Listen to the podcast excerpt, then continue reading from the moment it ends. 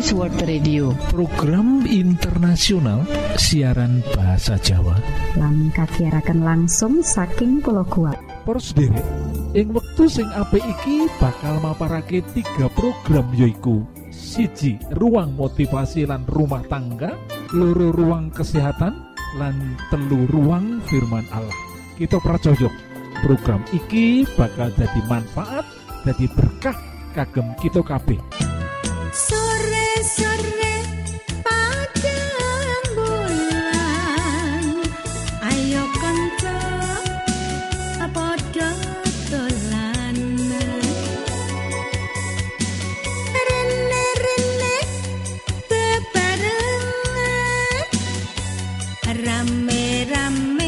Para sederek, monggo, monggo, sugeng mirengaken program pertama inggih menika Ruang Motivasi.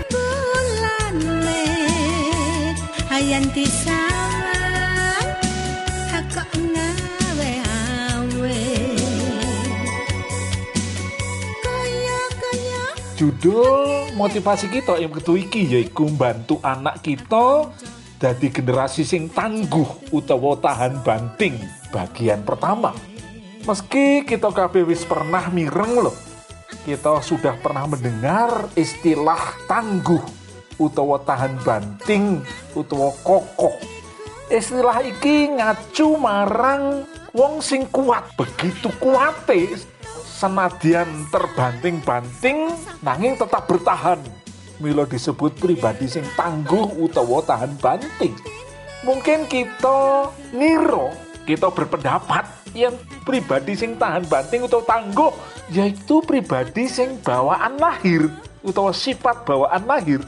Pendapat iku keliru banget para sederek. Karakter tahan banting, karakter kokoh iku dudu bawaan lahir. Nanging iku bentukan lingkungan para sederek. Karakter kokoh, karakter tahan banting yaitu produk soko pilihan sing kita buat dalam menghadapi tantangan hidup. Makatan para sederek. Yang seminggu iki kita arep membahas seri ciri-ciri orang yang tahan banting, orang yang kokoh, tangguh. Lan kita belajar bagaimana menolong anak-anak kita iso dadi pribadi sing tangguh lan tahan banting iki. Ciri sing sepisan pribadi sing tangguh. Pribadi sing tahan banting yaiku wong atau orang yang bertanggung jawab atas hidup PDW, hidupnya sendiri. Itu ciri orang yang tahan banting atau pribadi yang tangguh. Dia menikah tiang engkang bertanggung jawab atas hidupnya sendiri. Lah orang yang tidak bertanggung jawab atas uri PDW lan tetap bergantung marang wong liya kanggo memenuhi kebutuhan lan kebahagiaan uripe wong sing kaya mengkene iki pribadi sing kaya mengkene iki ora mungkin tidak mungkin dadi wong sing tahan banting utawa sing kokoh iki imut loh. Ciri pertama pribadi sing kokoh utawa tahan banting itu yaitu orang yang bertanggung jawab atas hidupnya sendiri.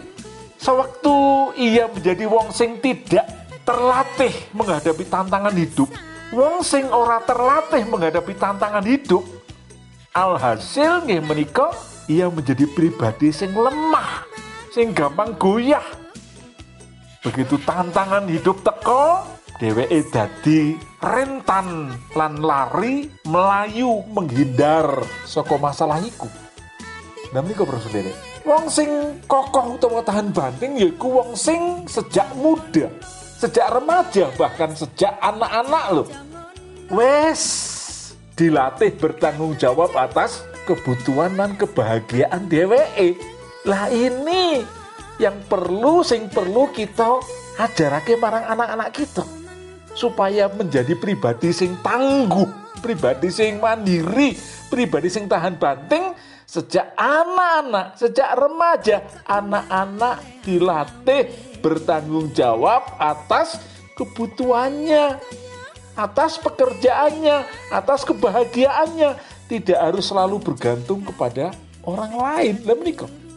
Alhasil wong sing terbiasa ngadepi kesulitan sejak kecil wong sing biasa menghadapi kesulitan masalah sejak kecil terlatih wong sing kaya mengene iki dadi pribadi sing kuat lan pribadi sing tangguh dheweke ngerti apa iku kekecewaan Dheweke ngerti apa itu kekecewaan. Ia mengerti kesulitan dan kesusahan. Dan ia belajar untuk menunda keinginannya. Yang orang tuanya melihat itu belum waktunya.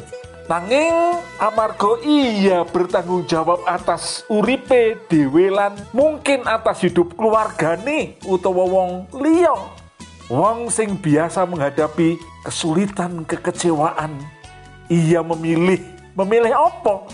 Memilih jalan terus lan tidak menyerah lah menika. Lan iki membuat DWE menjadi kuat, membuat dirinya tergolong wong sing tahan banting. Milo menika, monggo kita tolong anak-anak kita untuk menjadi orang yang belajar sejak kecil dados wong sing bertanggung jawab Gusti berkahi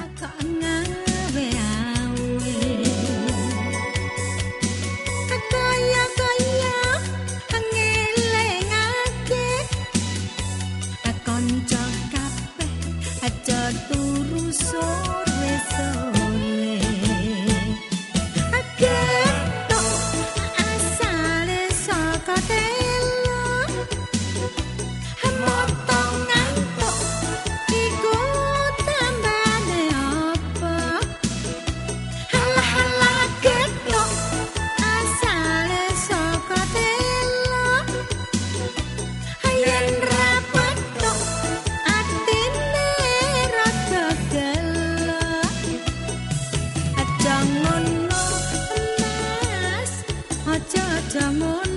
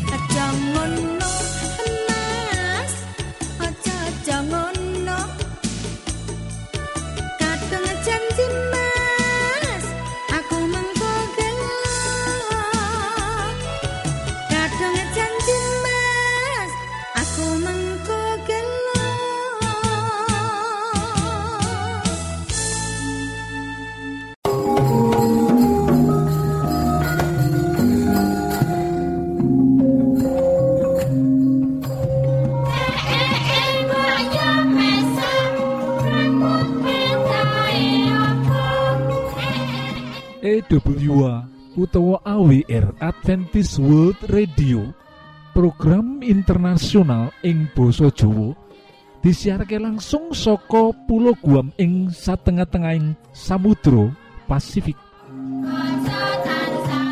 Para sederek monggo monggo sugeng mirengaken program kedua inggih menika ruang kesehatan salam sehat Gusti berkahi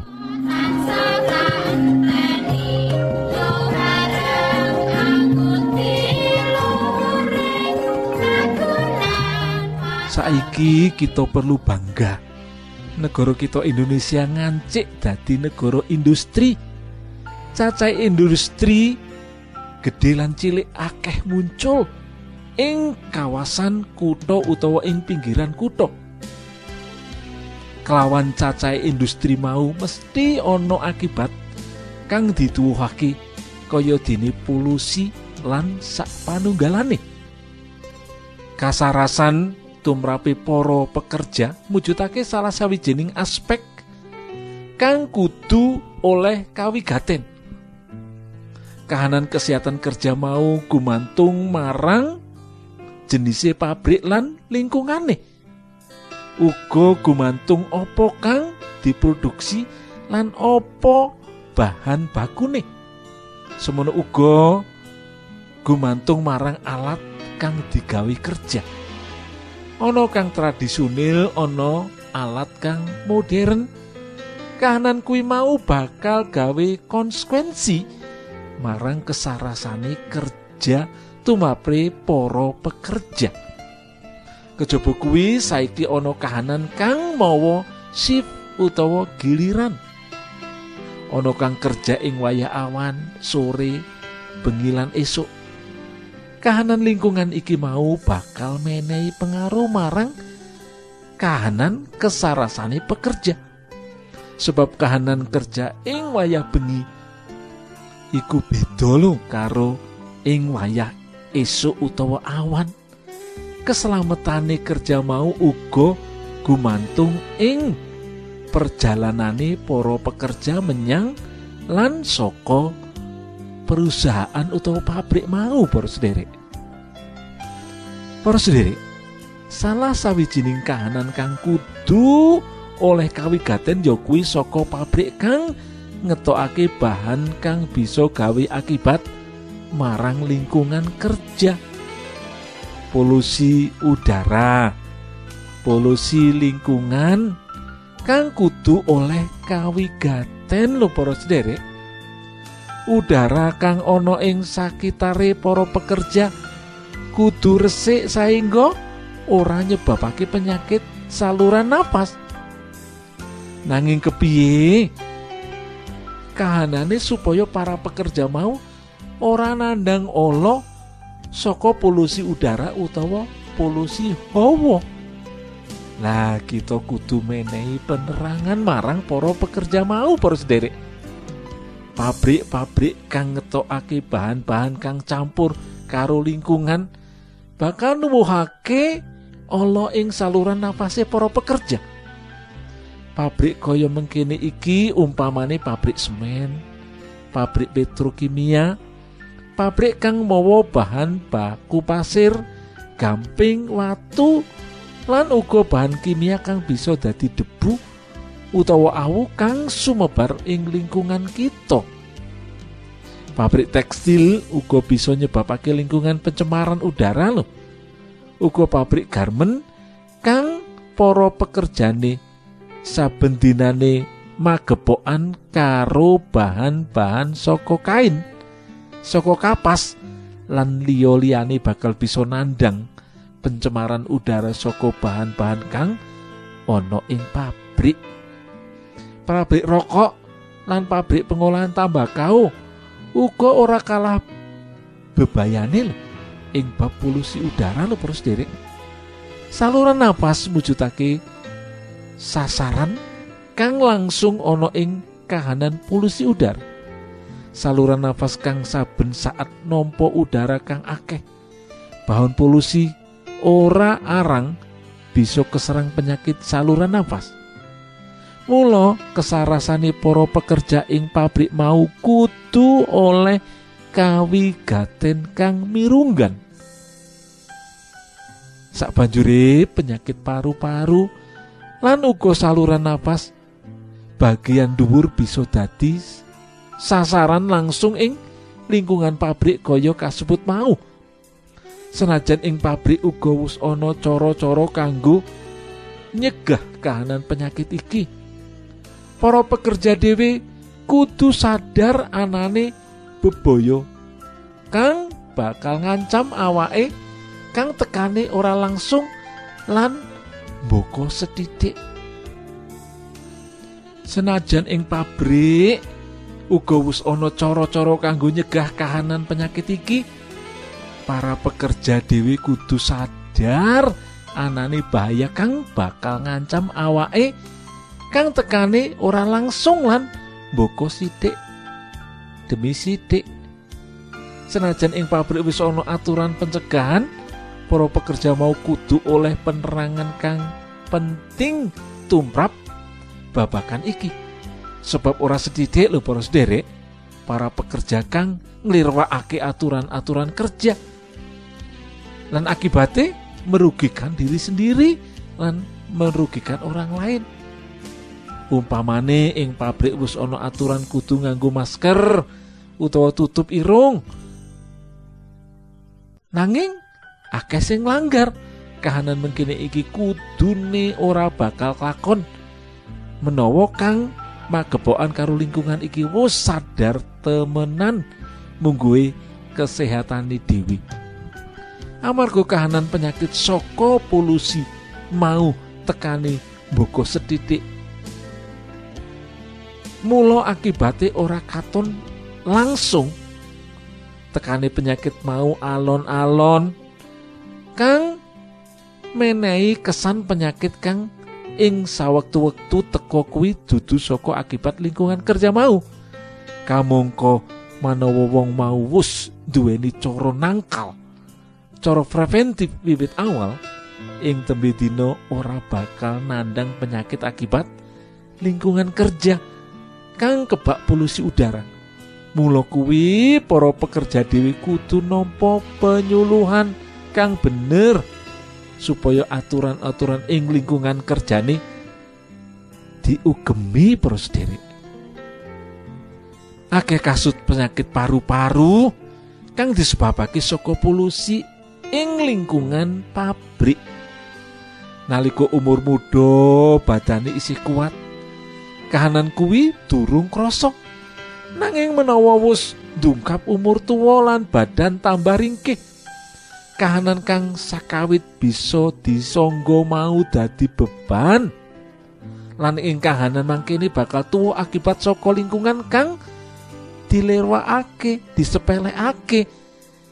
Akeh lho para pekerja ing umur tuwa nandang paru-paru kotor kaya kang dilaporake ing majalah internasional Luno disease saka Inggris Miturut laporan iki akeh pekerja pabrik kang wus umur tuwa nandang infeksi paru-paru lan paru-parune kotor.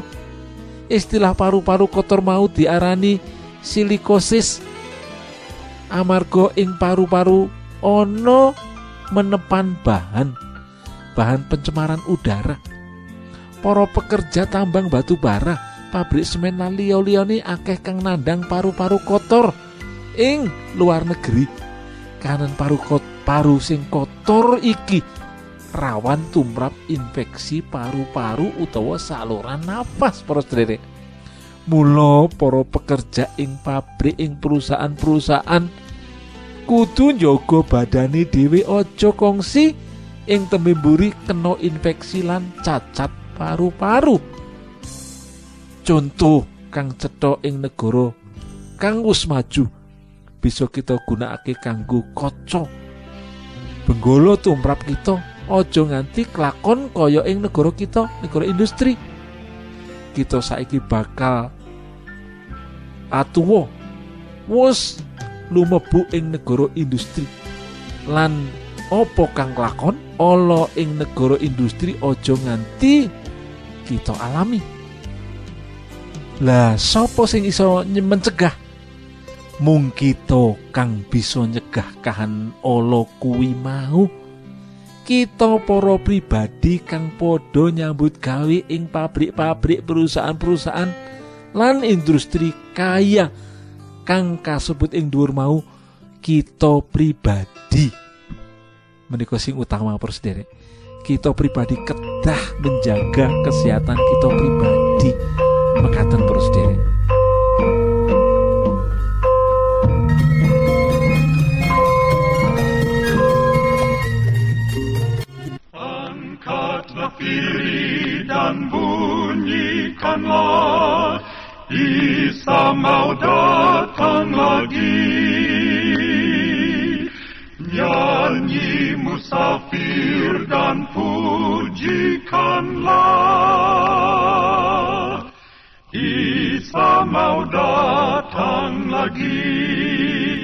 EWA utawa AWR Adventist World Radio.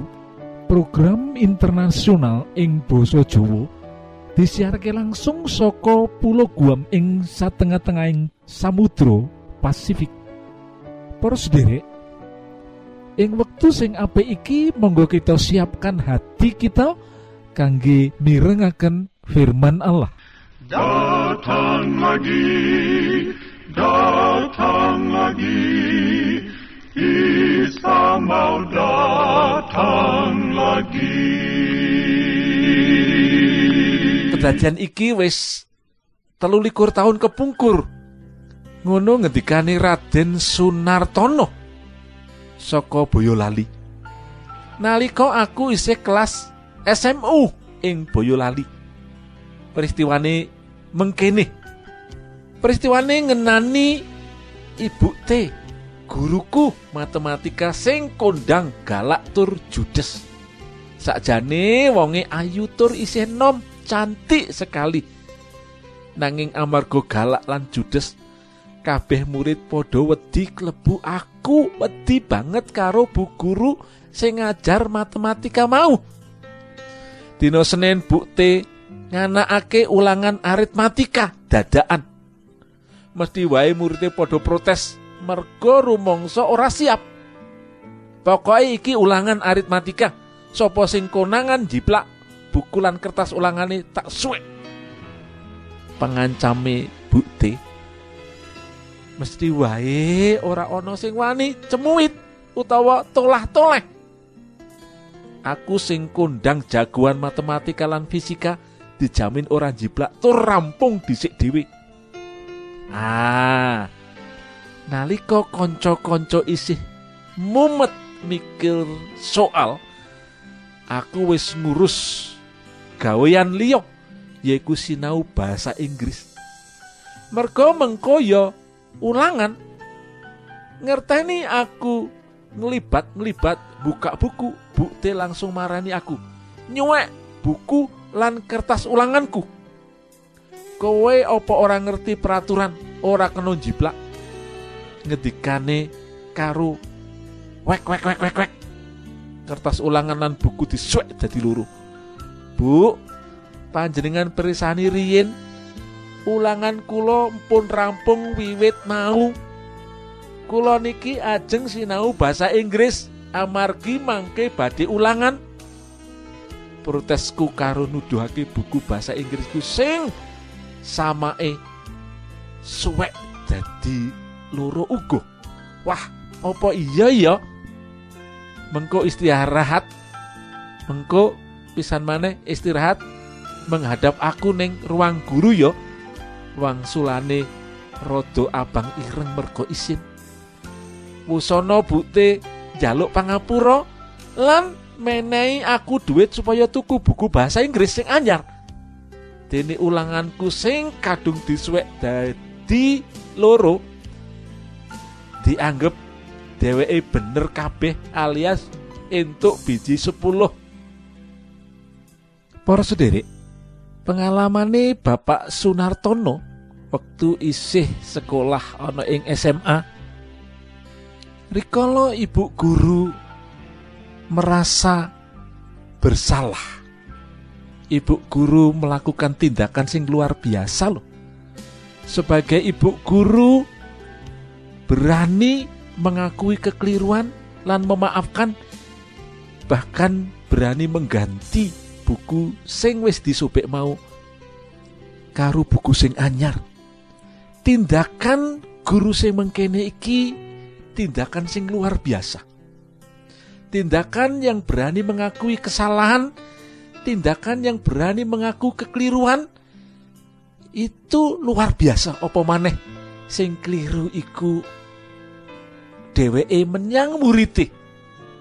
Iku pengakuan sing luar biasa loh kita sering nemoni sebagai orang tua kita sering nemoni kahanan kita salah melakukan tindakan sing salah marang anak. Nanging kita isin loh kita orang duweni jiwa besar ngakoni kesalahan loh. Mulane dadi masalah sing ora bisa diselesaikan mergo kita wong tua orang duweni jiwa besar untuk memaafkan loh. jiwa besar mau minta maaf. Luar biasa. Jiwa besar mau memaafkan luar biasa firmanipun Gusti Allah wonten ing Injil Markus bab 11 ayat sekawan likur ngantos selangkung Injil Markus bab 11 ayat 24 sampai 25 mulane kowe podo dak kandani menawa kowe ndedonga nyuwun apa-apa podo percaya ya. Podo percaya yen apa sing kok suwun kuwi wis diparingake dadi apa wae? Sing kok suwun bakal ketutukan. Ayat selangkung. Menawa kowe lagi ndedonga apuranen kabeh wong sing duwe keluputan karo kowe supaya ramamu ing swarga iya. Ngapura keluputan-keluputanmu? Menika para sendiri kita dipun perintahkan dumateng Gusti untuk memaafkan. Loh menika nanging sing langkung angel menika mboten memaafkan. Nanging ingkang langkung angel biasanipun kita menika meminta maaf kados teladan ingkang sampun dipun paringaken dening ibu guru. Dateng muridipun ingkang nami Sunartono kalau wau para sederek luar biasa nggih. Jiwa yang mau minta maaf seorang guru kepada murid menika luar biasa loh. Lan firmanipun Gusti Allah ngendika dumateng kita. Wonten ing kitab Wulang Bebasan. Wonten ing kitab Wulang Bebasan bab likur ayat ingkang kaping 13 sing sapa nutupi keluputane ora bakal maju.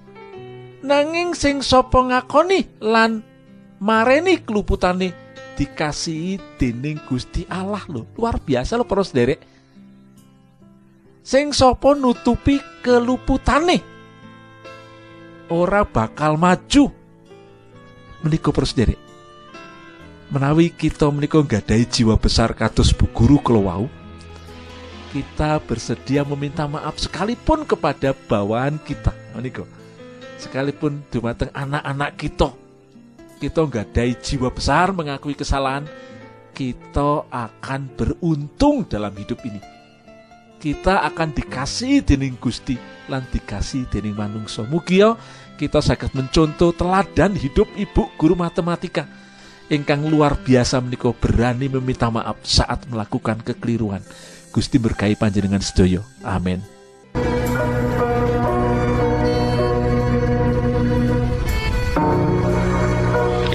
Ingkang tugas jagi wonten studio nyungun pamit badhe mundur. pilih wonten pitaken-pitaken utawi unjuking atur masukan-masukan lan menawi panjenengan gadah kepengingan ingkang lebet badhe sinau bab pangantikaning Gusti. Lumantar kursus Alkitab tertulis Monggo. 3 Advent suara pengharapan PO Box 80 Jakarta setunggal kali wolu setunggal 0 Indonesia. Panjenengan saged mlebet jejaring sosial Kawulo inggih menika Facebook pendengar radio Advent suara pengharapan utawi radio Advent suara pengharapan. Saran-saran pitaken ugi tanggapan panjenengan tansah kawula tenggo. Lan saking studio kula ngaturaken bumi panuwun